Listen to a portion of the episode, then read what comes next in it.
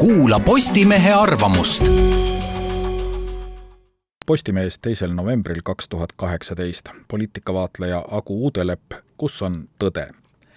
vahel on kasulik mõelda ennast mujale. möödunud nädalase ilma eest oleks tahtnud end paigutada kuhugi sooja, näiteks Kreekasse. ja kui juba kultuurihälli, siis miks mitte selle sünniaega.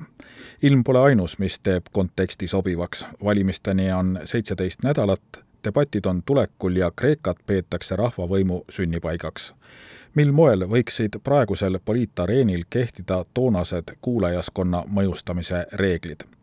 Liiga keeruliseks ei hakkaks asja ajama, vaataks klassikat, Aristotelese etost, logost ja paatost ehk maakeeli kõneleja eetikat, asjatundlikkust ja mõjusust natukene teeks ikka keerulisemaks ka, lisaks raamistame selle, kuidas võiksid valijad laiemalt ning ajakirjanikud kitsamalt neid kolme kategooriat mõjutada eetikast ei ole praegusel ajal mõtet ülemäära palju rääkida. valimiste kontekstis ei kehti enam reeglid, et valetada pole ilus ja kuulatakse vaid neid, kes on laitmatu mainega. valetamises on poliitikud õppinud Brexitist ja Donald Trumpist. räägi, mis tahad, peaasi, et see su pooldajatele meeldib.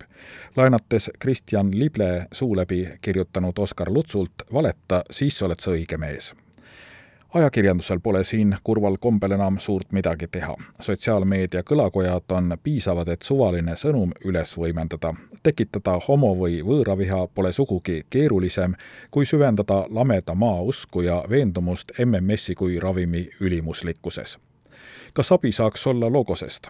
siin on kodanikuühiskonnal ja ajakirjandusel täita oluline sisuline osa. on paratamatu, et kõik ei jõua kõigega sügavuti kursis olla, ei valijad, ei ajakirjanikud. järelikult võiksid need, kes mingit valdkonda tunnevad, pakkuda arutelusisendit eelmiste parlamendivalimiste eel tegi Praxis teemapaberid, mis aitasid asjadest aru saada, debatte ette valmistada ning vajaduse korral bluffijaid vahele võtta. seegi kord on esimesed pääsukesed juba kohal. tööandjad on teinud oma manifesti, Riigireformi Sihtasutus kaks oma esimest teemapaberit. juba need võimaldaksid püstitada küsimusi, mis aitaksid ka erakondadel ideoloogiliselt eristuda. näiteks, kas majandus on pikas vaates õige alus või ähvardab oht jõuda majanduse edendamisega piltlikult öeldes jõgede ringipööramise ja planeedi kättemaksuni.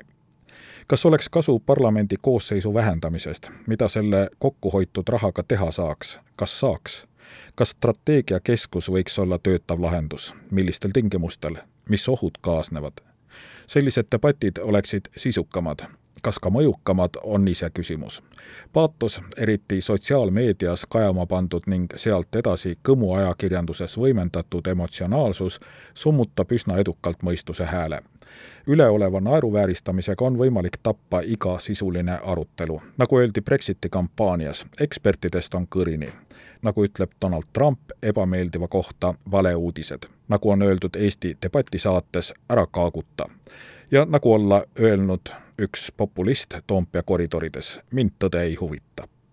kas tõde ja loogikat saaks debattidesse tagasi tuua?